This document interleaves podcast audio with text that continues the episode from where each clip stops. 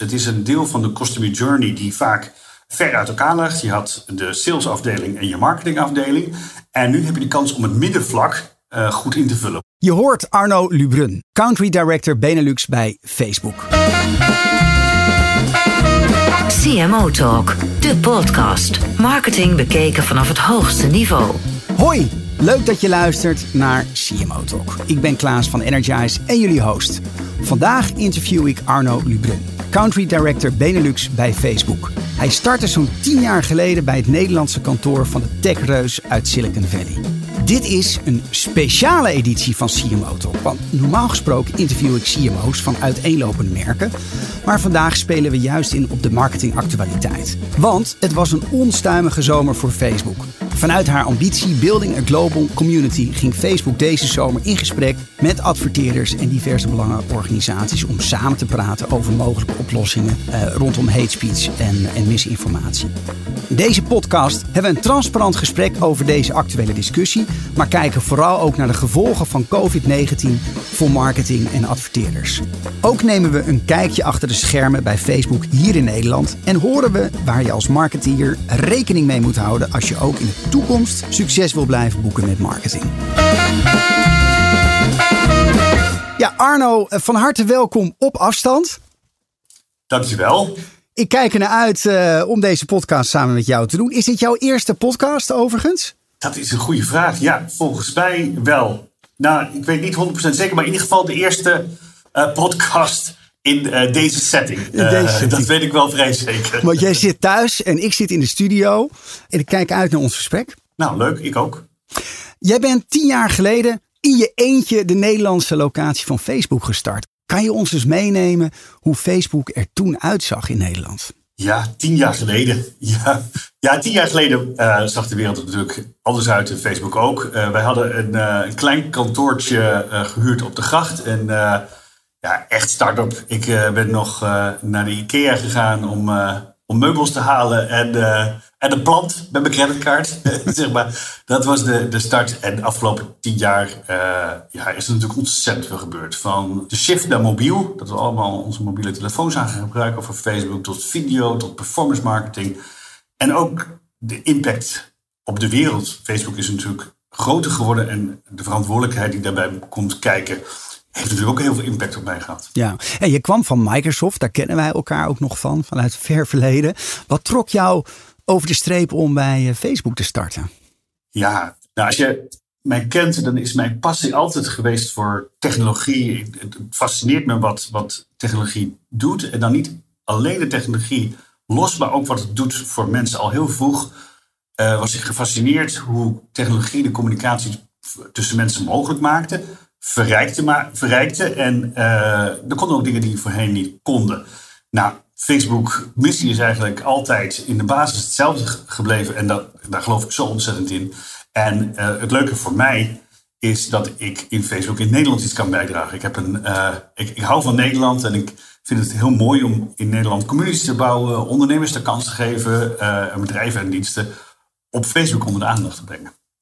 Ja, dat was toch eigenlijk wat je zegt, een beetje een, een, een start-up binnen, binnen uh, ja, toch een groot bedrijf. Toen ook al, denk ik, tien jaar geleden. Die zegt, ja, het is natuurlijk enorm gegroeid, maar in Nederland, ja, jij was de eerste. En uh, ja, hoe, zag jouw team eruit? Want jij bent alleen begonnen en, en was het al vrij snel uh, opschalen in Nederland? Of ging dat gestaag? Dat ging gestaag en het tegelijkertijd heel snel. Het is maar net hoe je het, welke manier je naar, naar kijkt. We, we waren, toen ik startte, ergens tussen de 1200 en 1300 mensen. En we hm. zijn nu met 60.000 mensen. Dus dat is nogal een verschil. Nou, de Nederlandse organisatie is, is maar een stukje daarvan. Maar tegelijkertijd is het wel zo dat wij die, de, zeg maar, de interface zijn naar de rest van Facebook. En wat doen wij dan? Ja, we, we adviseren adverteerders, agencies. Ehm, eh, en daarnaast hebben we ook mensen als uh, product marketeers die zorgen uh, dat er een link bestaat tussen wat uh, we in Nederland nodig hebben qua product en uh, wat we natuurlijk uiteindelijk maken als product. Maar ook dingen als policy. Onze content policy die veelvuldig in, naar voren komt, hebben we ook mensen voor in Nederland om te zorgen dat dat past. Ja, want hoeveel mensen werken er nu in Nederland voor Facebook? In Nederland voor de, voor de Benelux-markt, dus we doen Nederland en België, zou, zou je kunnen zeggen dat ongeveer 100 mensen voor de markt werken. En die zit ook op verschillende plekken. Ik wil graag even naar de actualiteit, want ik noem het al in de introductie. Facebook lag wereldwijd flink onder vuur afgelopen zomer. Nou, de discussie leidde op over hate speech en fake news. En een aantal adverteerders trokken zich terug. Ja, kritiek is natuurlijk nooit prettig, maar wel, wel leerzaam. Nou, jullie zijn ook in gesprek geweest met diverse uh, belangenorganisaties. Als je nu terugkijkt, hè, we nemen dit interview oktober op. Ja, wat hebben jullie geleerd van deze roerige tijden? Als ik kijk naar de boycott, dan is boycott meestal zodanig dat er sprake is van een uh, meningsverschil op fundamentele doelstellingen. En het bijzondere is dat het hier eigenlijk niet het geval is. Wij willen geen haatberichten op Facebook. Uh, we profiteren ook niet van haat. Onze gebruikers uh, willen het niet zien. En de adverteerders willen ook zeker daaruit de buurt blijven. Ja. En we hebben ontzettend veel gedaan de afgelopen jaren om te zorgen dat we dingen rondom haat op te lossen.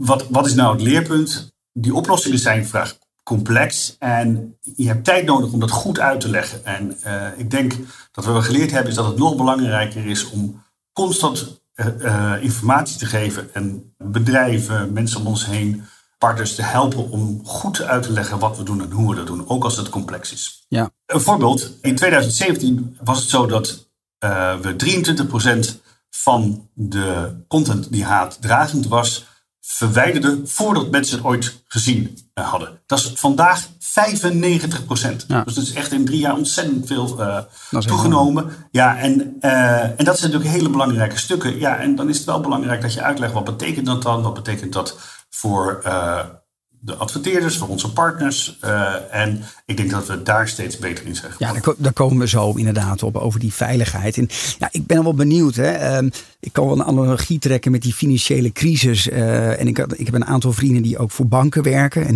ja, het was toen 2008, 2009. En toen hadden ze ook zoiets van, ja, pff, ik durf bijna niet meer te zeggen dat ik voor een bank werk. Hoe was dat voor jou persoonlijk, hè, die afgelopen maanden? Wat zeg jij als mensen uh, naar je toe komen, oh ja, ik ben directeur van Facebook van Benelux. Wat, wat zeg jij op verjaardagsfeestjes en wat doet het met jou persoonlijk? Ja, ja. ja, verjaardagsfeestjes, uh, zeg maar, uh, probeer je niet alleen over werk te praten, maar inderdaad, ik ben de directeur van Facebook, dus uh, ik vind het ook belangrijk dat ik ook met mensen om me heen uitleg hoe ik er naar kijk. En mm -hmm. ik snap dat mensen geïnteresseerd zijn.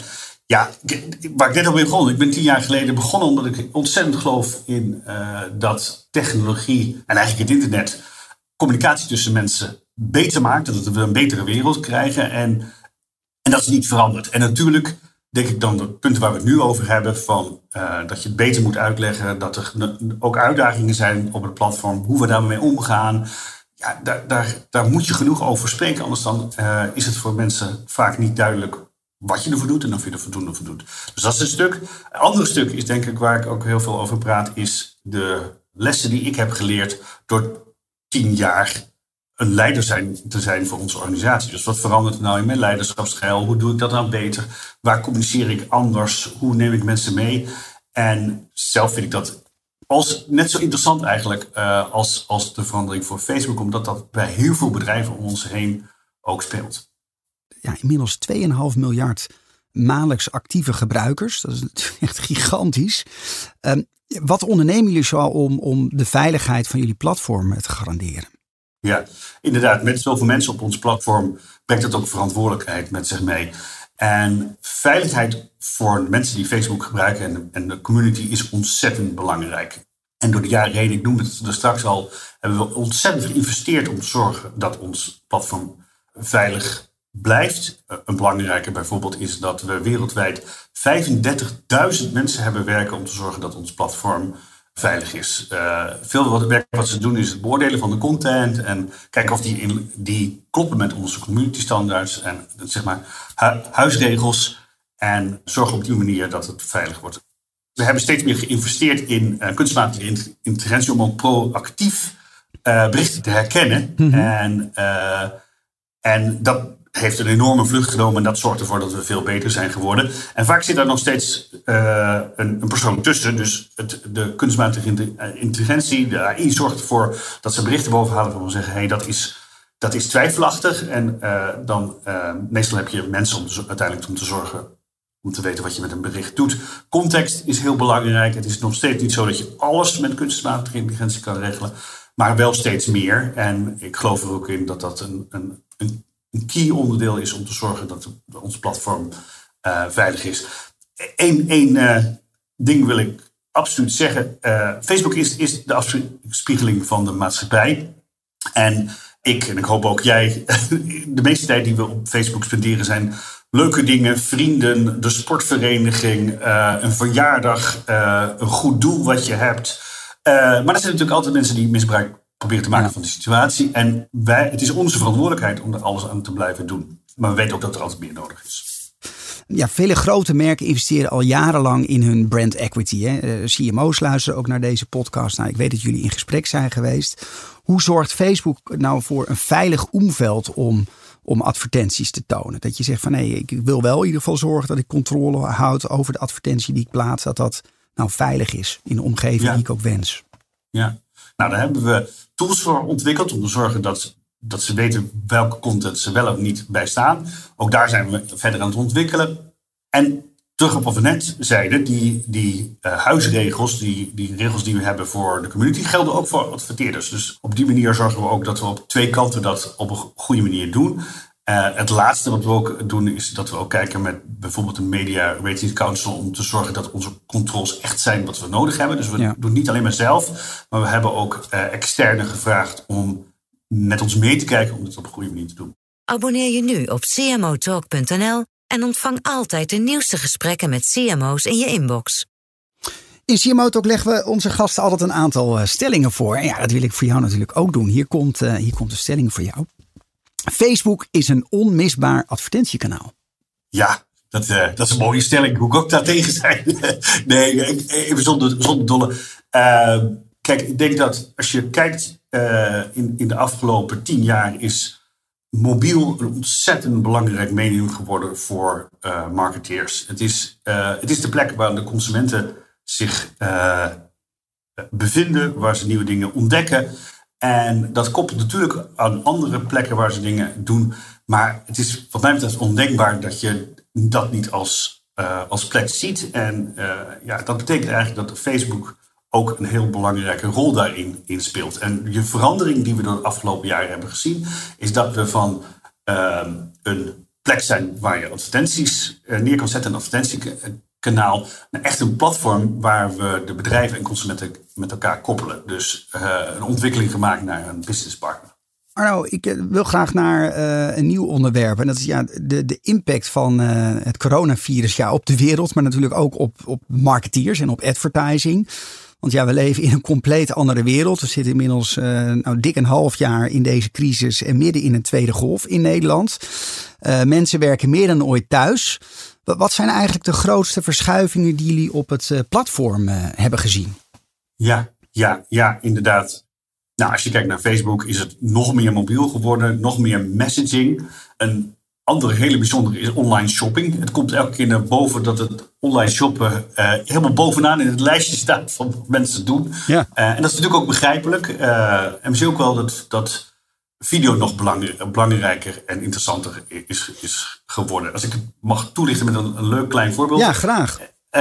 ik heb een goede vriendin die heeft een kunstgalerij. En, mm nou ja, in deze tijd is dat natuurlijk ontzettend moeilijk. Mensen komen niet meer, zijn bang. Als je binnenkomt, kom je maar even. Dus dat is nogal wat voor zo'n kunstgalerij. En die is begonnen op Instagram om alles te doen. Om te laten zien de kunst. Maar ook ze, ze laat, laat, hele tours zien langs alle kunst. En die verkoopt beter dan ooit. Oh. En die zei, ja, had ik nooit, nooit anders gedaan. Maar ik heb die verandering daardoor heel erg snel gemaakt. Dat zijn de kleinere bedrijven, maar ook voor de grote bedrijven heb ik dat heel erg gezien. Um, Kun je daar een voorbeeld van geven? Van ja, een, ja, wat ja absoluut. absoluut. Kijk, wat je, wat je ziet is dat grotere bedrijven vaak afwegingen moeten maken tussen de retail, de, de, de, offline experience. En dat, daar hebben ze vaak heel veel in geïnvesteerd. En natuurlijk wordt digitaal gezien als kans om daar naartoe te bewegen. Een voorbeeld die, die daarmee opkomen is bijvoorbeeld G-Star. Ik denk dat dat een heel goed uh, uh, voorbeeld is. G-Star heeft natuurlijk heel veel winkels. Dat, en uh, En zit nu in het middel van, van die verandering. Nou, wat die hebben gedaan is heel erg nadenken over hoe ze met creativiteit omgaan.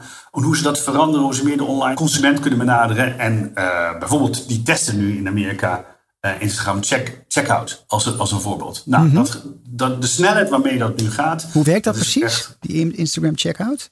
Hoe, hoe dat werkt is, denk ik, om context te geven. Instagram checkout en eigenlijk ook Facebook shops.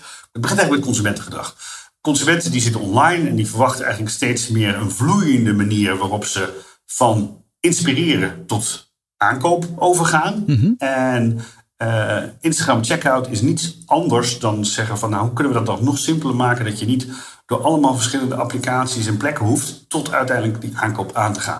Oké, ja, dus je gebruikt eigenlijk de kracht van het platform. En uh, ja, Facebook wordt eigenlijk, gaat een beetje de kant op van, van Amazon, zou je misschien wel kunnen zeggen. Hè? Dus dat wordt echt ook een commerce platform. Of, of zie ik dat verkeerd? Ja, dat is een goede, goede, goede vraag.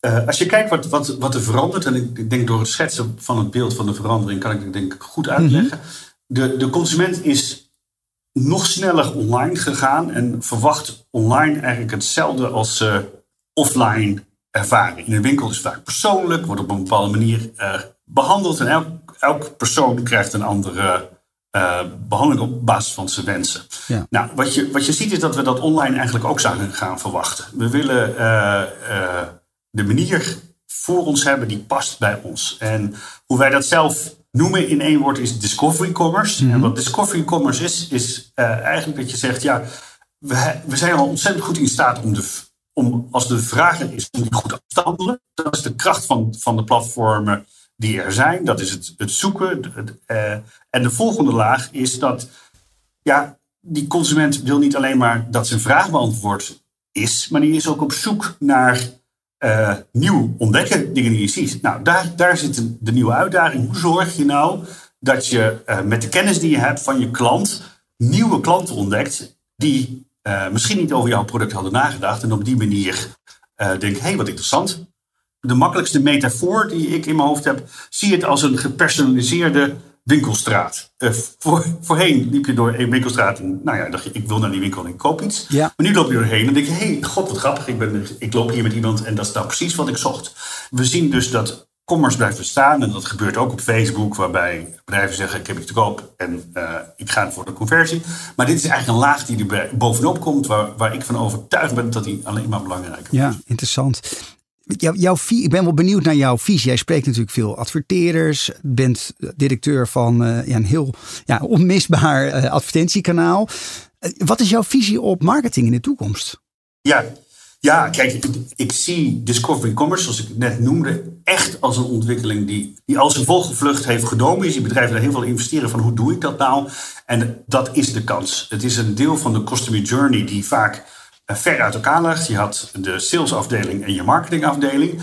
En nu heb je de kans om het middenvlak uh, goed in te vullen. Hoe zorgen we nou dat op basis van de sales, sales data, onze CRM-data, onze ervaring erin slimmer marketing doen die sneller overgaat naar, van het ontdekken naar de aankoop. Ja. En daar zit een ontzettend grote kans. Uh, dat betekent ook, zeg maar, voor die bedrijven zelf dat ze uh, moeten nadenken hoe, hoe integreer ik dat. Marketeers die nu luisteren zeggen, nou mooi verhaal Arno, ik, ik, ik, uh, ik, ik heb goed geluisterd, ik moet inzetten op discovery commerce. Hoe bereid je je organisatie daarop voor? Welke, welke uh, twee, drie stappen zou je, moeten, zou je eerst moeten nemen om, om uh, de kant van discovery op te gaan? Ja, ja, waar ik heel erg geloof in leiderschap is het, het start met de visie waar je naartoe wil. En, en, en iets wat ik heb geleerd is dat het heel belangrijk is dat je richting geeft aan de hele organisatie waar je naartoe wil. Uh, wat, waarom is dit een voordeel? Waarom wil ik dat? vaak is, is het niet voldoende duidelijk gemaakt waarom je die richting wil. En ik zie ook dat communicatie daarin heel belangrijk is. Dan de volgende stap is, is de verschillende afdelingen, de afdelingen die met de data omgaan, de salesafdeling, de marketingafdeling, daar moet je een samenwerking in vinden. En, uh, en dat betekent dus dat ze gezamenlijk moeten kijken naar één doelstelling. Vaak zie je de, dat die nog ver uit elkaar liggen, terwijl het eigenlijk, ja, je bent, je bent bezig met dezelfde klant. Dus dat is denk ik een, uh, een belangrijke. En de derde is executie. Je moet niet wachten met de strategie dat je het helemaal volledig uitgekristalliseerd hebt. Je moet nu beginnen leren executie. Je ziet vaak dat, dat innovatie wordt gedaan en dan onvoldoende. Eerst wordt bedacht hoe het moet en dan pas volledig in de executie gaan. Terwijl die dingen volgens mij hand in hand gaan. En Ja. executie is zo belangrijk. Ja, dus je zegt eigenlijk het begint met een heldere visie en een gedeelde visie. Eh, zorg voor optimale samenwerking, eh, cross-border afdelingen. Ja. en zorg ook dat je niet te lang in die strategiefase blijft hangen, maar ga ook vooral gewoon dingen doen. Eh, Zet die stap naar executie en experimenteer en, en doe eigenlijk gewoon voor. Ja, Met ja. betrekking tot discovery. Ja. Ehm, Arno, ik zou jou een aantal eh, eh, dilemma's willen voorleggen. En eh, nou, je hebt wel eens eerder naar een CMO Talk aflevering geluisterd. En je moet steeds één van de twee kiezen. En na afloop mag je er eentje uitkiezen om toe te lichten. Hier komt ie. AI-gestuurde of handmatige moderatie? AI gestuurde natuurlijk, uiteindelijk. Wereldwijde of regionale aanpak? Eh, ik denk uiteindelijk wereldwijd. Hybrid of virtual reality? Als hybrid eh, eh, augmented reality wordt bedoeld, dan geloof ik dat dat uiteindelijk het, het einddoel is. Discovery of conversie? Ja, uiteindelijk gaat het om de conversie. Optimalisatie of innovatie? De laatste. Innovatie. Innovatie. Welke zou je toe willen lichten? Ja, ik heb, ik heb bij elke heb ik wel gedacht, ik moet het toelichten om, om, want er zit een mooi stukje eh, eh, spanning in, Ja. in allemaal. Ehm, laat, ik, laat ik de laatste eh, eh, kiezen. Ehm, ik ben ervan overtuigd dat voor, voor Facebook en voor alle bedrijven om ons heen, om waarde te houden voor de consument, zal je constant moeten innoveren. Het is, het is voor de kleinste tot de grootste bedrijven belangrijk om eh, dat te blijven doen en ook dat te blijven doen nu. Dus eh, eigenlijk, zoals je het er straks goed samenvatte, het ga- gaat niet alleen maar om bedenken waar je naartoe wil, maar ook zorgen dat wat je wil realiseren, dat je daar nu mee start. Ja. Eh, vandaar innovatie. Hoi luisteraar. Wist je dat je sinds kort kunt adverteren in CMO Talk? Ja, dat kan. Op de site kun je kiezen uit drie smaken. Ik spreek dan jouw advertentie in en je steunt de show. Wil je ook marketeers op het hoogste niveau bereiken? Al vanaf 1500 euro adverteer je in de best beluisterde marketingpodcast van Nederland. Kijk op cmotalk.nl en vraag de factsheet aan. Dat is cmotalk.nl. Ik wil een aantal persoonlijke vragen stellen, want we vliegen door de tijd heen. Dus ik ben wel benieuwd naar eh, nou, eh, jouw stuk persoonlijk leiderschap. Je bent nu tien jaar bij, bij Facebook, bijna het tweede lustrum. Wat was voor jou, als je terugblikt op die, op die afgelopen periode, jouw absolute hoogtepunt? Ja, mijn absolute hoogtepunt is grappig genoeg de mensen waar je mee werkt. Ik denk dat je samen iets bouwt. En ik heb natuurlijk de luxe gehad dat ik, dat ik een team om me heen heb mogen bouwen. En samen eh, die reis doen waarbij je klanten, partners helpt. Dat is gewoon fantastisch. Dat, eh, dat had ik voor geen, geen goud willen missen. Dus je bent heel trots op het team wat er nu staat. Zeker. Ja. Als we het over, dan, dan over die hoogtepunten hebben. Je zegt, nou, dat is met name gewoon eh, de, de groei van, van het team. Wanneer ben je enorm onderuit gegaan en wat heb je daarvan geleerd? Ja, ja, dat zit eigenlijk op hetzelfde vlak. Een van de dingen die, dat past eigenlijk ook wel in, in waar we het net over hadden.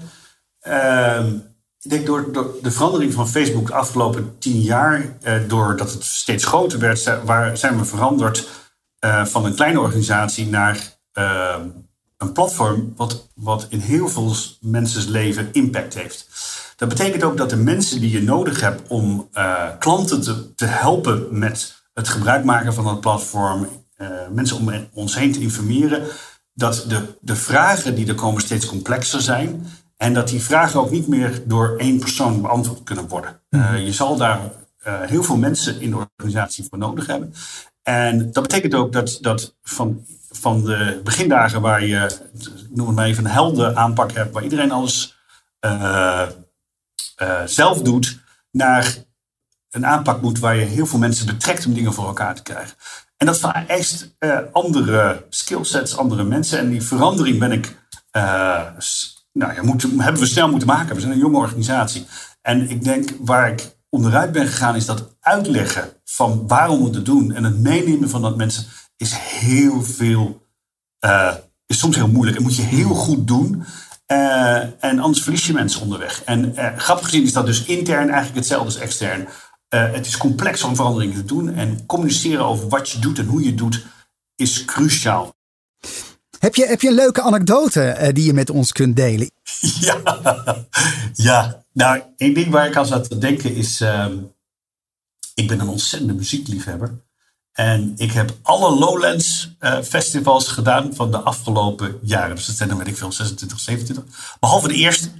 Die heb ik, die heb ik gemist. Toen wist ik niet dat het er was. Toen moesten mijn vrienden het vertellen. En wat ik denk ik heel grappig is, qua anekdote, is, is uh, hoe communicatie is veranderd. Ik, ik herinner me, in 1994, 95, ja zo oud ben ik al. dat we uh, als je elkaar wilde vinden, dan kon je elkaar helemaal niet bellen. Je kon niet een check-in doen, je kon, niks, je kon geen post doen. En dat kan je je niet meer voorstellen. En dan stond er in het midden een, een heel groot uh, um, soort uh, pilaar, zuil. En dan kon je opschrijven, ik ben hier zo laat. fantastisch. en dat is fantastisch. Maar do door de jaren heen heb ik me altijd ontzettend geïnteresseerd voor de communicatie en de verandering. En dat vind ik echt zo fantastisch. En dit zijn eigenlijk de makkelijkste manieren om uh, uit te leggen hoe, hoe erg de wereld uh, veranderd is en welke voordelen je ervan hebt. Ja, ik ben toch even benieuwd. Nog even een persoonlijke vraag hoor. Want uh, je bent ongetwijfeld in die tien jaar meerdere keren naar het hoofdkantoor geweest van, van Facebook. Ehm, toch? Kan ik me voorstellen. Ja, en, ja heb, heb, je, heb je de Big Chief ook ontmoet, Mark? Ja, dat, ik moet lachen. En ik zal je vertellen waarom ik moet lachen. Je had het er straks over die verjaardag. Weet je wat de nummer één vraag is op verjaardag? Nou. Heb je Mark Zuckerberg? Ja, ja grappig. Ja, ik denk, ik ga hem toch gewoon stellen. Een beetje ja, ja, vraag. Maar ja, weet je, ik denk dat mensen het willen weten. Ja, natuurlijk. Dat begrijp ik ook. Weet je, het is uh, heel bijzonder wat... Uh, Facebook heel bijzonder en hij is natuurlijk een heel belangrijk onderdeel in. Um, ja, ik heb hem ontmoet en uh, dat, dan kan je natuurlijk vragen stellen. Maar het mooie in Facebook is, is dat we heel erg geloven in een een open communicatie. Dus elke, elke donderdag, het was eerst vrijdag, heeft hij een uur lang waarop hij vragen beantwoordt van iedereen in de wereld. Hmm. Uh, en dan kan je dus gewoon stellen, dan krijg je die naam erin. En geen vraag is te gek. Soms kan je, ja, is, is misschien moeilijk om te beantwoorden. Maar daardoor is het niet alleen maar zo dat als je naar kantoor gaat, dat je hem kan spreken. Maar je kan het gewoon allemaal spreken. Dus dit geldt voor elke werknemer. En ik, uh, ik vind dat ontzettend krachtig. En ik, ik heb ik heb het gewoon gekopieerd. Ik doe hetzelfde elke, elke week met mijn team. Uh, iets kleiner, maar ik denk dat dat soort dingen uh, echt helpen om het dichterbij te maken. En hoe was het om hem uh, voor de eerste keer te ontmoeten? Weet je dat nog? Ja, nou dat weet ik nog wel. Ja, kijk, dat, dat, dat is dan ook wel weer tien jaar geleden dat ik hem de eerste keer ontmoette. Ja. En dat was natuurlijk, weet je, daar, leer je van hoe, um, hoe bijzondere denker mensen kunnen, kunnen zijn. Ja. Ja, hij, is, hij was toen, wat is dat zijn? 24, 25? Ja. Uh, uh, rond die leeftijd. Nou, dat is natuurlijk heel bijzonder. En wat ik altijd knap vind is dat uh, ook hij altijd zegt: Het is fantastisch wat we hebben neergezet, maar dat kan ik alleen maar met iedereen erbij. Mooi. Hey, tot slot, welk advies zou jij mee willen geven aan de luisteraars? Ja, Doe het nu. dat, is, dat zou mijn advies zijn. En wat ik daarmee bedoel, dat vereist wel iets meer context. Uh, ik denk dat deze tijd de verandering van de consument zo snel gaat. Uh, en uh, ik, ik, denk niet dat je de luxe hebt om nog langer te gaan, gaan wachten. Het is ook een bijzondere tijd waar je ontzettend veel dingen kan veranderen. En dat je ook het draagvlak hebt om dingen te veranderen. Dus doe het nu. Uh, en ja, denk na over de innovatie, maar denk ook direct na over de executie. En ja, ik, ik geloof uh, in wat we eerder noemen dat uh, voor de, de marketeers onder ons Discovery Commerce echt de toekomst is. Mooi. Dank voor het luisteren naar deze special van CMO Talk. Arno, dank voor je bijdrage. En nou, ben je benieuwd naar uh, de interviews van uh, CMO's, van toonaangevende Nederlandse merken? Ga naar het compleet vernieuwde CMOtalk.nl of luister naar de podcast op Spotify, iTunes, Soundcloud, Google Podcast, Stitcher, TuneIn of Facebook. Kan ook. In uh, de volgende CMO Talk ga ik in gesprek met David Lette van Heineken. Heb je zelf een uh, prangende vraag voor David? Nou, je kan het mailen naar klaas.cmotalk.nl. Dat is klaas.cmotalk.nl. En uh, ja, misschien hoor je wel het antwoord in de volgende podcast. Dank voor het luisteren naar CMO Talk. Ga voor meer gesprekken naar cmotalk.nl of abonneer je via je favoriete podcast-app. De CMO Talk podcast is ontwikkeld en geregisseerd door Energize. Audio, mixing en mastering door Voicebooking. CMO Talk is mede mogelijk gemaakt door onze gewaardeerde partners Adobe, Microsoft, Facebook en Accenture Interactive.